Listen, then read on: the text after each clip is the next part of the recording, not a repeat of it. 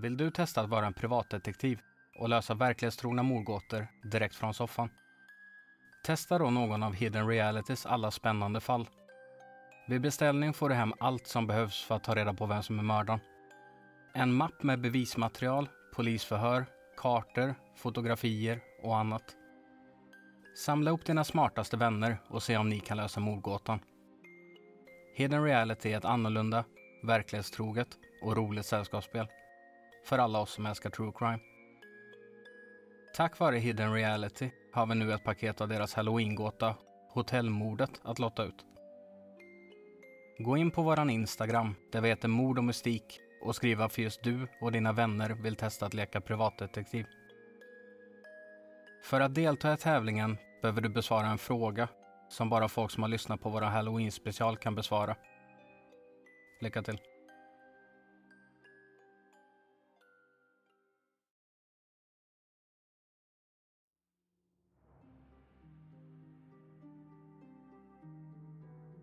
Halloween. Känt av många som en tid av spöken, godis och utklädnader bär på en historia som sträcker sig mycket längre tillbaka än de moderna firandetraditionerna vi känner till idag. Varje år, när oktobers sista dag närmar sig, förvandlas bostadsområden till skrämmande landskap av gravstenar, spindelväv och skelett.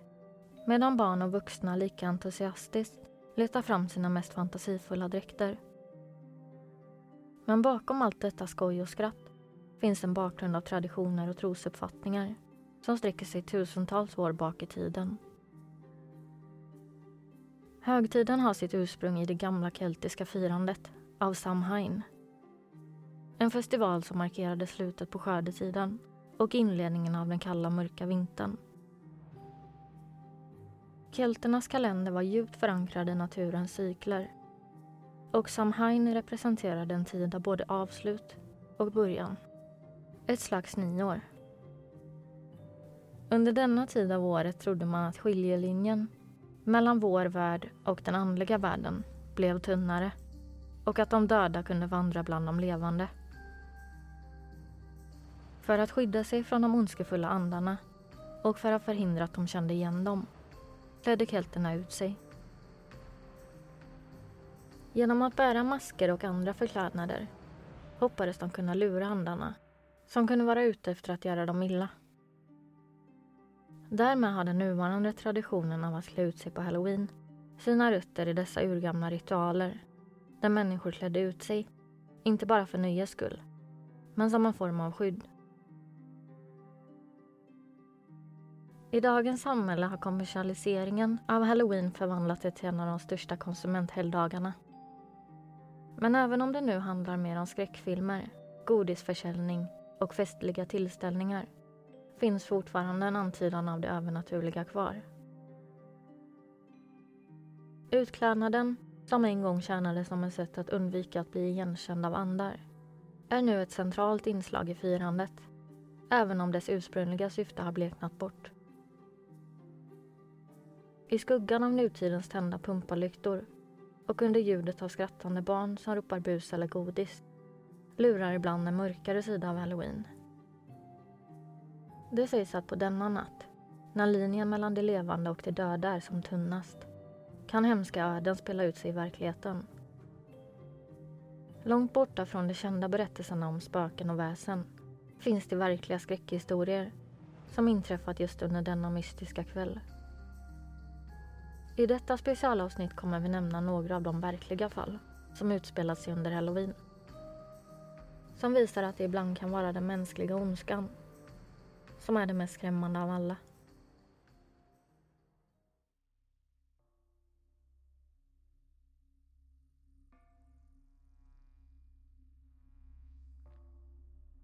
Nummer ett. William Anthony Odom. En tragisk Halloweenhistoria. Halloween är känt som en tid för skräck, nöje och godis. Gatorna blir levande med barn som klär ut sig till allt från spöken till superhjältar knackar på dörrar och ropar bus eller godis. Men för familjen Odom blev halloween år 1990 en mardröm som de aldrig skulle glömma. Det året blev 15-åriga William Anthony Odom, känd som Tony för sina vänner och familj, centrum för en händelse som skulle bli en varning för framtida halloweenfirare. Tony, som han ofta kallades, var känd som en sann glädjespridare. Alltid redo att skoja och skratta. Som de flesta tonåringar älskade han att skrämma och överraska sina vänner. Särskilt under halloween. Han ville göra något spektakulärt det året. Något som skulle bli ihågkommet som det bästa halloween-pranket någonsin. Tyvärr skulle hans önskan gå i uppfyllelse. Men inte på det sätt han själv hade tänkt sig. I sin trädgård i North Carolina hade Tony bestämt sig för att iscensätta en hängning som ett skämt. Han hade länge planerat pranket och studerat olika metoder för att göra det så realistiskt som möjligt utan att faktiskt skada sig själv. Han satte upp ett rep i ett träd och förberedde allt så att det skulle se ut som att han verkligen hängdes. Men med en mekanism som skulle hålla honom säker. På halloweenkvällen kallade han över några av sina vänner för att visa upp sitt mästerverk. När de samlades under trädet drog Tony åt repet runt sin nacke. Övertygad om att han hade kontroll över situationen. Hans vänner skrattade och hejade på och verkade uppskatta att bevittna ännu ett av Tonys alla upptåg. Men när Tony hoppade ner från grenen fungerade inte säkerhetsanordningen och repet drogs åt runt hans hals. Dinglandes i trädet kämpade han för sitt liv för att komma loss. Samtidigt som hans vänner stod nedanför och skrattade. I tron om att han bara skämtade och var i karaktär. Men när sekunderna blev till minuter och Tony slutade röra sig förvandlades vännernas skratt till panik. De rusade fram för att hjälpa Tony, men det var för sent. Han hade oavsiktligt kvävts till döds framför sina chockade vänner. Nyhetsrapporteringen kring Tonys död skickade chockvågor genom samhället. Många kunde inte förstå hur en sådan tragedi kunde ha inträffat. Och snart kom nyheterna spridas över hela landet. Många människor använder Tonys historia som en avskräckande påminnelse till sina egna barn om farorna med att utsätta sig för fara för skojs skull. För familjen Odom blev halloween aldrig detsamma igen. Istället för en tid av firande och glädje blev det en tid av sorg och eftertanke.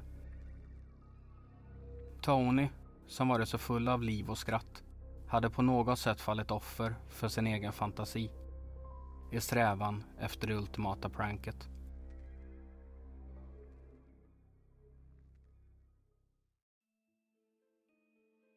Nummer två.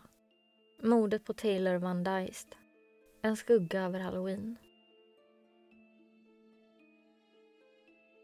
Den 31 oktober 2011, under en kväll som skulle ha präglats av skratt, skoj och oskyldiga pranks, upplevde den lilla staden Armstrong i British Columbia en skrämmande och tragisk händelse som skulle förändra samhället för alltid. Taylor Van Dyst en ung kvinna på 18 år, gick ut för att fira halloween men kom aldrig hem igen. Armstrong, känd för sin lugna atmosfär och sina idylliska gator, var det sista stället någon skulle förvänta sig en sådan tragedi. Men på halloween-natten år 2011 förvandlades den tysta lilla staden till en plats som hade kunnat vara direkt tagen ur en skräckfilm. Taylor Van Dyst, klädd i en zombiekostym och redo att delta i kvällens festligheter, hade bestämt sig för att gå hem till en vän. När hon inte dök upp och inte heller svarade på telefon blev hennes familj och vänner oroliga. Efter flera försök att få kontakt med henne utan svar inledde familjen en egen sökinsats. Kvällen hade förvandlat sig från en tid av firande till en mardröm av oro det var Taylors syster som till slut hittade henne. Allvarligt skadad, nära järnvägsspåren. Trots att ambulansen snabbt var på plats avled 18-åriga Taylor senare av sina skador. Medan samhället sörjde förlusten av en så ung och lovande individ påbörjades en intensiv polisutredning. Bevisen på brottsplatsen var svåra att samla in eftersom området kring järnvägsspåren var svårtillgängliga. Men det fanns några ledtrådar. Taylors mobiltelefon, som hon hade använt för att skicka ett meddelande till sin pojkvän strax före attacken, gav polisen viktig information då det gav dem en tidsram för attacken. I smset hon hade skickat framgick det att hon blev för full när hon gick längs järnvägsspåren och att hon kände sig osäker. Under de följande månaderna fortsatte polisen att samla in information från vänner och anhöriga, prata med vittnen och samla in DNA-bevis. Till slut ledde utredningen fram till ett gripande.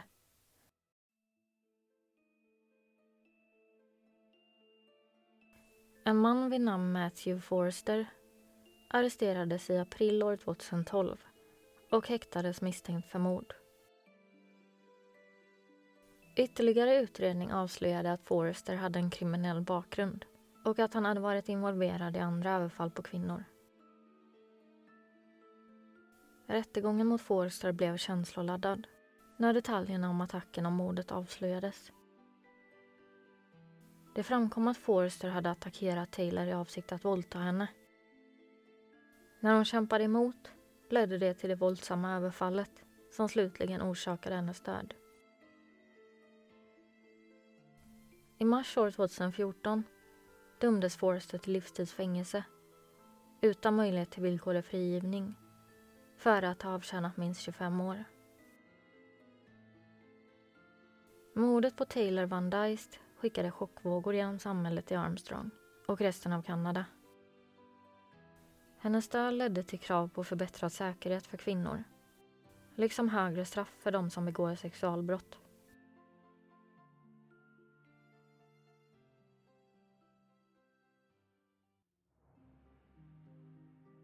Nummer 3. Ronald O'Brien. Den mörka historien om godisgiftmördaren. År 1974 skulle bli ett år som invånarna i Pasadena, Texas, sent skulle glömma. Och skulle för alltid förändra hur en förälder såg på det godis deras barn tog med sig hem på halloween. Detta på grund av en man, Ronald Clark O'Brien, mer ökänd som godisgiftmördaren. Ronald O'Brien var en kyrkligt aktiv man och pappa till två barn. På ytan levde han ett till synes normalt liv med sin familj. Men bakom kulisserna var Ronald djupt skuldsatt och försökte desperat dölja de ekonomiska svårigheterna för resten av familjen. Han hade även haft en rad olika jobb och blivit avskedad från samtliga. Med denna bakgrund av ekonomisk desperation tänkte han ut en plan som kom att chocka hela nationen. Några månader innan halloween år 1974 hade Ronald tagit ut stora livförsäkringar för sina två barn. Hans plan var att förgifta barnen för att på så sätt få ut pengarna från försäkringarna. För att genomföra sin plan bestämde han sig för att använda godis som metod för att utföra dådet.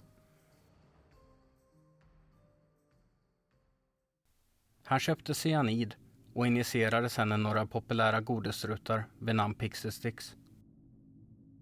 På halloweenkvällen år 1974 tillsammans med sin vän och dennes barn tog Ronald med sina två barn ut på den efterlängtade halloweenrundan. Vid ett av husen, där ingen svarade när de knackade, stannade Ronald kvar vid huset och smugglade ner sitt cyanidförgiftade godis ner i godispåsarna. Sen återgick han till gruppen och berättade att ägarna till slut hade öppnat och gett dem godis. Han hade även gett några av de förgiftade godisrutorna till hans kompis barn som var med på halloweenrundan för att försöka minska misstankarna mot honom. Senare den kvällen när de kommit hem igen uppmuntrade han sin son Timothy att äta av sitt godis. Kort efter att ha fått i sig de cyanidspetsade pixelsticksrutorna blev Timothy sjuk och avled sen inom en timme. Ronalds dotter och de andra barnen var oskadda eftersom de lyckligtvis inte hade hunnit äta det förgiftade godiset. Polisens utredning ledde snabbt till misstankar mot Timothys egen pappa, Ronald. Det var flera omständigheter som pekade mot honom. De höga livförsäkringarna han hade tagit ut en kort tid innan Timothys död. Det faktum att han var den enda personen som sett husägarna ge godiset. Och hans inköp av cyanid som polisen lyckades hitta bevis ifrån. Ytterligare bevis inkluderade ett samtal till försäkringsbolaget dagen efter mordet för att begära en utbetalning av försäkringsbeloppet på sin son. Samt vittnesmål från människor som sa att Ronald hade frågat dem om de vetat hur hög den dödliga dosen av olika ämnen varit. Rättegången år 1975 blev en medial cirkus med många som hade svårt att tro att en far kunde döda sitt eget barn för pengar. Åklagarna beskrev Ronald som en kall, beräknande individ och försvaret hade svårt att bortförklara den överväldigande mängden bevis mot honom. Ronald O'Brien fälldes för mord och dömdes till döden. Under sin tid i fängelset försökte han framställa sig som ett offer, men få köpte hans historia. Han avrättades genom giftinjektion år 1984, tio år efter händelsen. Mordet på Timothy kom att få en djupgående effekt på hur halloween firades i USA. Många föräldrar blev extremt försiktiga med godiset deras barn tog med hem. Och vissa sjukhus erbjöd till och med röntgen av godispåsar för att kontrollera dem för farliga föremål.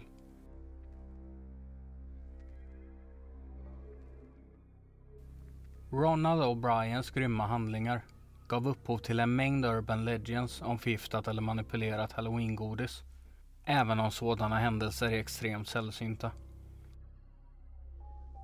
Men den verkliga skräcken kommer från vetskapen om att en far kunde gå så långt som att mörda sitt eget barn för pengar. Vilket visar att de verkliga monstren är bland de som befinner sig allra närmast oss.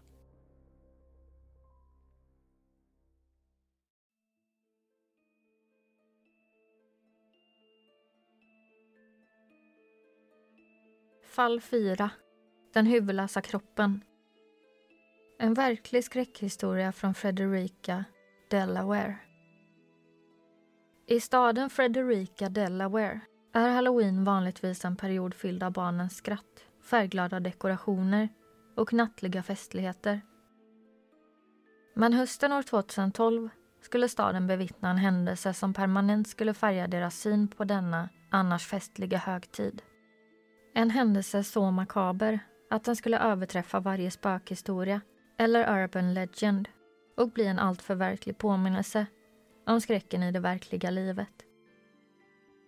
Några dagar före halloween, medan staden var i full förberedelse med att karva pumpor till trapporna och färdigställa sina läskiga figurer till trädgårdarna, blev en särskilt ögonfallande dekoration uppmärksammad av de lokala invånarna.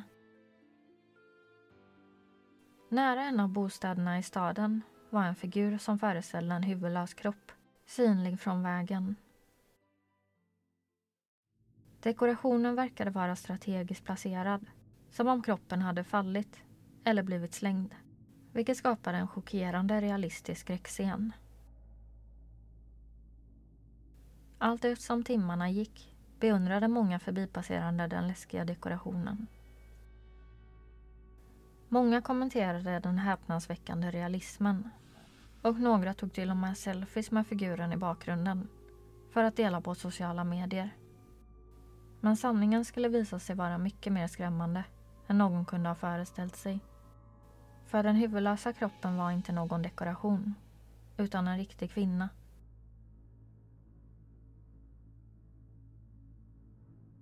Kvinnan var en 42-årig lokalinvånare som hade begått självmord på ett sätt som olyckligtvis kamouflerades med högtidens alla dekorationer.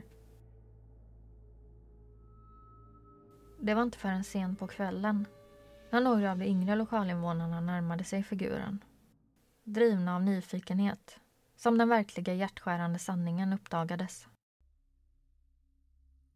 Den plats som under dagen hade tjänat som en populär attraktion bland invånarna förvandlades plötsligt till en brottsplats.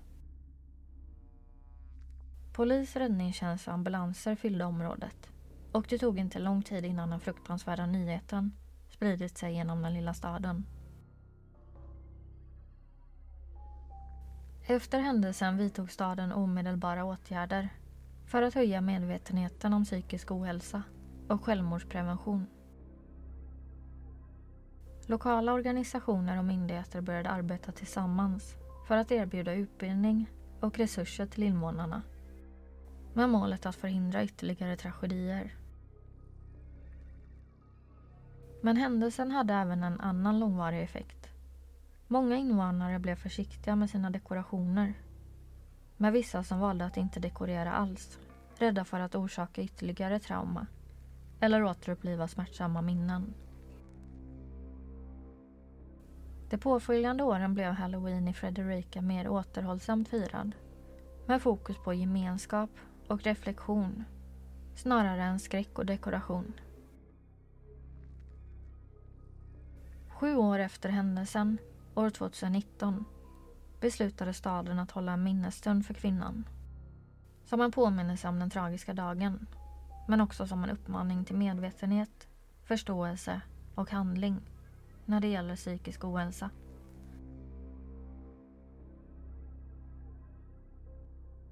Nummer 5. Mordet på Peter Fabiano.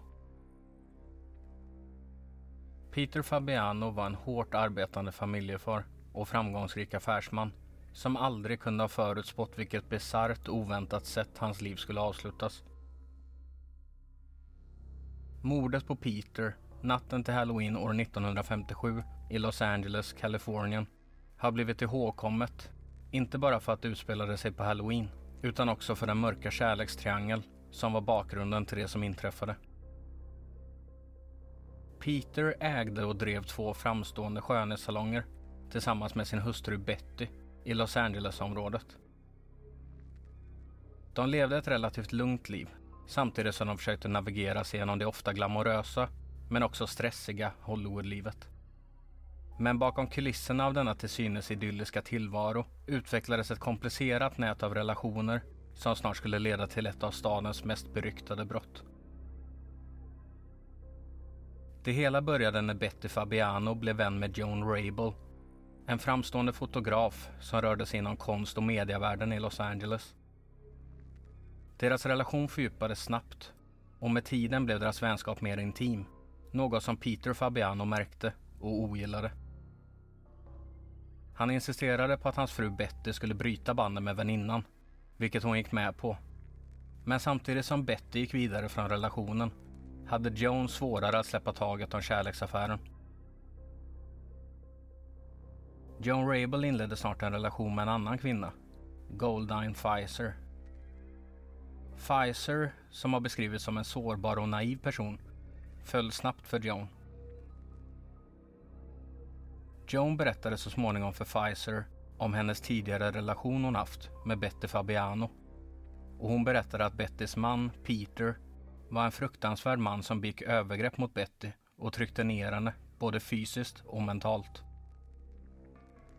Golden Pfizer byggde snabbt upp ett hat mot Peter Fabiano, vilket Joan hade räknat med. Snart kom hon med förslaget att de tillsammans skulle mörda honom något som Joan såg som en perfekt lösning på sitt problem och en chans att till slut få återförenas med Betty. Planeringen av mordet skedde gradvis och var noga planerat. De två kvinnorna köpte en revolver och Joan övertalade Pfizer att det var bäst om hon var den som utförde mordet. De valde natten till halloween som det perfekta tillfället eftersom det skulle vara lättare att smälta in och undgå misstankar på de mörka gatorna med allt annat folk som var utklädda ute på gatorna. Natten till den 1 november år 1957 parkerade de sin bil utanför Fabianos hus. Pfizer, iförd jeans, en kakijacka och en röd mask, gick fram till ytterdörren med en papperspåse i handen. Inuti påsen låg revolvern när Peter Fabiano hörde dörrklockan ringa antog han att det var barn som trots hur sent det var fortfarande var ute och firade halloween.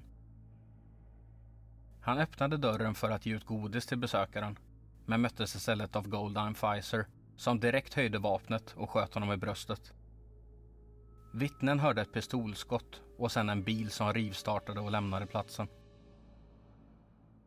Betty Fabiano kom genast springandes mot ytterdörren när hon hörde den höga smällen. Men det var för sent. Peter låg avliden på golvet vid dörren. Han hade dött omedelbart. Efter att ha begått brottet flydde Goldine och Joan från brottsplatsen och försökte sedan radera alla spår som kunde koppla dem till mordet.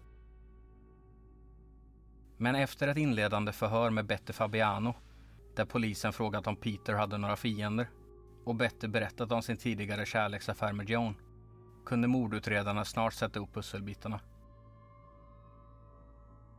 Vid en husrannsakan på Goldline Pfizers arbetsplats hittade de revolven som hon hade valt att behålla och gömt i ett skåp. När de båda kvinnorna konfronterades av polisen erkände både Joan och Goldline sina roller i brottet. Båda dömdes till livstidsfängelse men släpptes villkorligt efter bara några år bakom galler.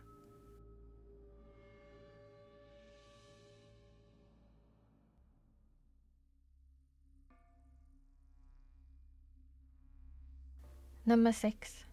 Halloween-attraktionen med riktiga döda. Elmer McCurdys historia är som tagen direkt ur en Hollywoodfilm. Med en rad oväntade vändningar. Berättelsen börjar i ett blygsamt samhälle och leder till rån, död och till sist nöjesparker och tv-skärmar. Född år 1880 i Washington hade Elmer ingen aning om det märkliga avtryck han kom att lämna efter sig. Hans unga år kännetecknades av osäkerhet och en känsla av rotlöshet. Hans föräldrar var okända för honom och han växte därför upp på ett barnhem vilket kanske bidrog till hans framtida val genom livet. När han blev äldre blev McCurdy en sökande själ ständigt på jakt efter en mening och känsla av tillhörighet. I 20-årsåldern bestämde han sig för att pröva sin lycka i den kriminella världen. Där han försökte göra en karriär som tågrånare. En typ av brottslighet som inte var ovanlig vid denna tid. Han var dock långt ifrån framgångsrik. Ett av hans mest beryktade rån var när han försökte stjäla ett kassaskåp från ett tåg. Bara för att upptäcka att den innehöll silvermynt värt endast 46 dollar vilket motsvarade ungefär 10 000 kronor i dagens penningvärde. En summa som inte motsvarade risken med tågrånet. Det var under ett av dessa misslyckade försök som McCurdy mötte sitt öde. I Oklahoma år 1911, efter ett särskilt katastrofalt rån, blev han skjuten av polis och dog till följd av sina skador. Det skulle innebära slutet på berättelser för de allra flesta. Men för Elmer McCurdy var det bara början. Efter hans död blev hans kropp balsamerad vid ett lokalt bårhus. Med tanke på hans status som kriminell och brist på familjemedlemmar ställdes hans kropp ut som en offentlig attraktion för de nyfikna att beskåda. I många år stod McCurdys kropp i bårhusets skyltfönster där besökarna kunde betala en nickel för att se, citat, den bandit som inte kom undan. Så gick åren och McCurdys kropp påbörjade sin resa genom USA. Han köptes och såldes mellan olika skräckattraktioner, cirkusar och nöjesfält. Hans ursprungliga identitet blev bortglömd med tiden och till slut insåg få att denna rekvisita faktiskt var en verklig människokropp. Det var inte förrän 1976, nästan 65 år efter hans död, som sanningen om Elmer McCurdy avslöjades. Under inspelningen av tv-serien The Six Million Dollar Man på nöjesparken The Pike i Long Beach, Kalifornien upptäckte en av dekoratörerna att den läskiga halloweenfiguren de använde faktiskt var ett riktigt mumifierat lik. Skräcken och chocken var enorm. En utredning påbörjades och McCurdys identitet återupptäcktes strax därefter. Efter alla dessa år fick Elmer McCurdy äntligen en riktig begravning och sin slutliga vila. År 1977 i Summit View Cemetery i Guthrie, Oklahoma. För att säkerställa att han skulle få vila i frid och inte grävas upp av folk som fått höra på nyheterna om den märkliga historien begravdes han under betong. I slutändan, trots hans brottsliga bakgrund, har McCurdy blivit en oväntad legend och en påminnelse om hur oförutsägbart livet kan vara. Och ibland även döden.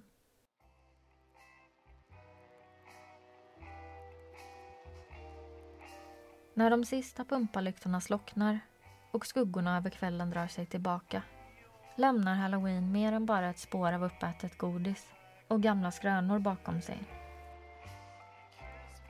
Det är en tid då gränserna suddas ut. Både det mellan vår värld och den andra sidan och mellan barndomens oskuldsfulla skoj och vuxenlivets djupare förståelse för det okända. Det är en påminnelse om cykler, av livets föränderlighet och av det mystiska band som förenar oss alla.